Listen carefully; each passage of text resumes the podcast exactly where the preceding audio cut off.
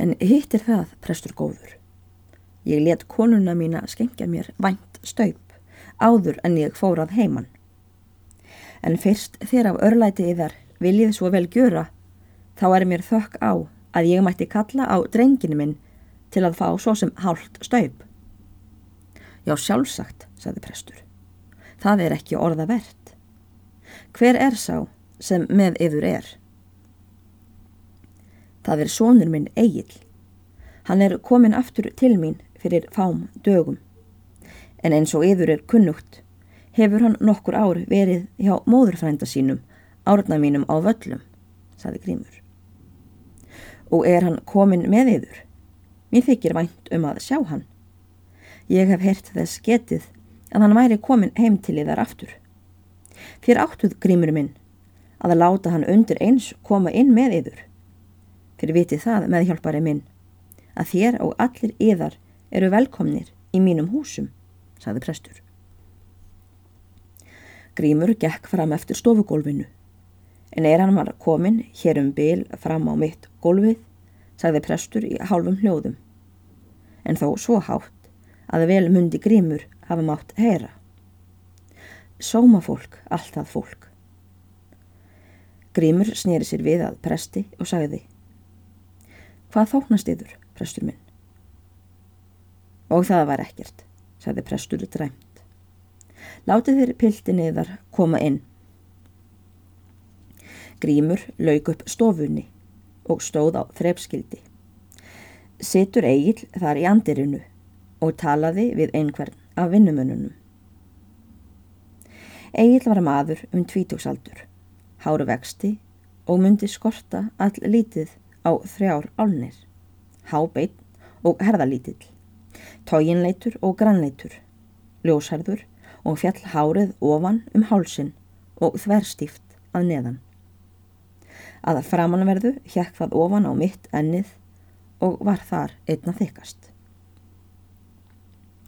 Hann var að öllu eins klættur eins og fadir hans, nema það eina að vesti hans og hálsklútur úr ljósleitari.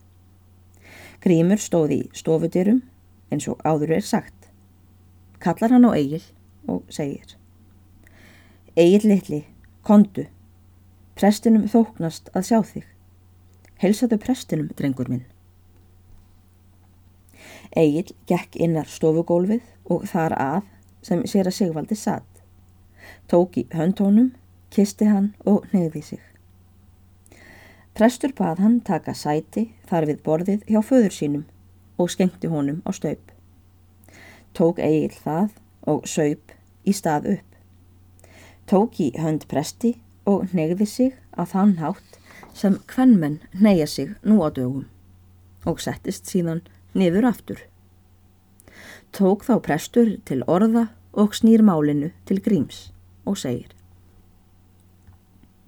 Mér sínist með hjálpari minn að pilturinn sé farin nokkuð að togna þér verðið að fara að hætta að kalla hann lítinn og ekki er hann stór drengurinn, sagði með hjálpari og velti vöngum. En hann er engin afturkristingur, heldur svona við sig á sínum aldri. Hversu gamal ertu, sonur? Ég, fadri minn. Ég var nítján vetra um jólinn í vetur, sagði Egil. Svo mun það vera, hann er frumburður sinnar móður, sagði meðhjálpari. Allt mannvannlegt fólk sem að honum stendur, sagði prestur. Munu fáir hér um sveitir vera efnilegri á hans aldri, held ég. Þetta er rengla ennþá, prestur minn, og óharnað sem hún er til, sagði Grímur.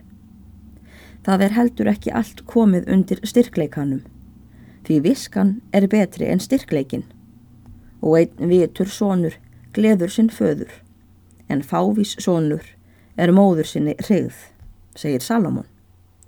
En svo er Guði fyrir að þakka að þau eru ekki heimsk krakkarni mínir. Þau eiga heldur ekki neina heimskingja í ætsinni, sagði prestur. Allt skýrlegs fólk, hm, hm. Ekki sæmir mér að miklast að vitinu, sagði Grímur og velti drúgum vöngum. Því hvað er það, maður, sem þú ekki hefur þegið? En það er lítið sem hann kann, drengurinn, til munnsins. Þá er það honum árnað mínum á völlum að þakka.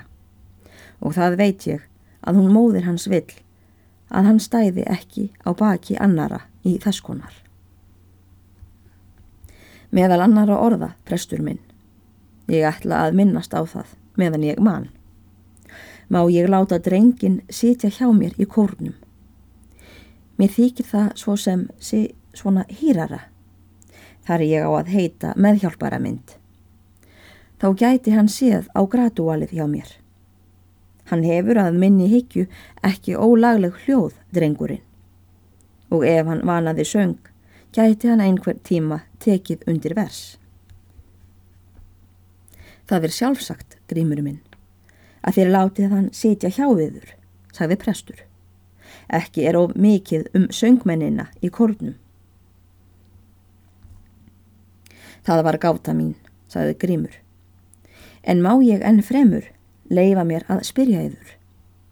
Mundi yður míslíka, þó ég við og við leti hann taka í klukkustrengin fyrir mig á helgum, en á stórháttíðum öllum ringi ég sjálfur. Hér er gjörið sem yfir þóknast með það, með hjálpari minn, sagði prestur.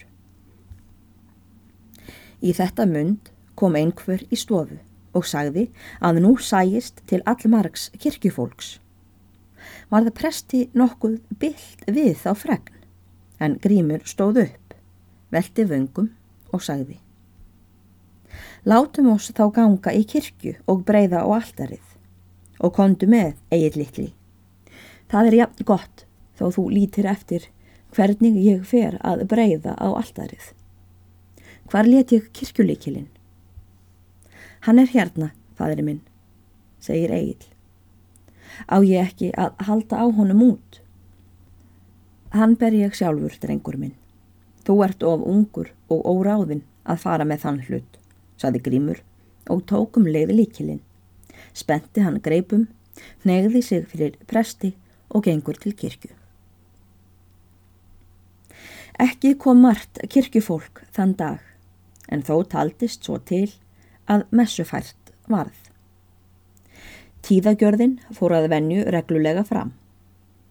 Prestur var ekki eins langorður eins og hann var vanur og sögðu sumir á eftir að ræðan hefði orðið nokkuð snubbót í endanum og bænagjörð prests stittri en venja var til, en þó all hjartnæm. Önnur tíðindi höfðu menn ekki frá kirkjunni að segja, nema það að nýjir maður hefði verið settur í kófrin þann dag og það væri sonur með hjálpara. Hann hefði allra fallegustu dillandi hljóð og hefði sungið svo hátt að það hefði verið allt eins og aðrir hefðu þagað í kirkunni. Hann myndi með tímanum eiga að verða meðhjálpari eftir föður sinn. Því meðhjálparin hefði látið hann klikja út í fyrsta sinni en svo hafi illa tiltekist að klukkustrengurinn hafi hrokkið sundur svo að hætta varð að ringja í miðju kapi. Eftir messuna tók kirkjufólk smám saman að fara heim en sumt staldraði við. Þar til búið var að gjöra því nokkur greiða. Meðalannara sem komið höfðu til kirkju var Sigurður Bondi frá hlýð. Hafði hann ekki komið fyrir en farið var að byrja stólsvers.